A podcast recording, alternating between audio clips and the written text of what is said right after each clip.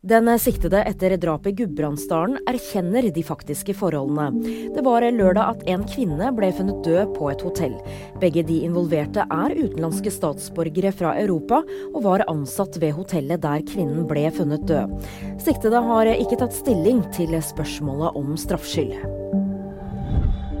Tirsdag så starter rettssaken mot Anders Besseberg. Den tidligere skiskyttertoppen er tiltalt for grov korrupsjon fra tiden som president i Det internasjonale skiskytterforbundet. Selv så har Besseberg hele tiden nektet for å ha gjort noe ulovlig. Så til USA. En bil kjørte inn i porten ved Det hvite hus. Føreren er satt i varetekt, og saken etterforskes av Secret Service. Det er tirsdag morgen uklart hva som er bakgrunnen for hendelsen. Mer om dette og andre nyheter finner du alltid på VG.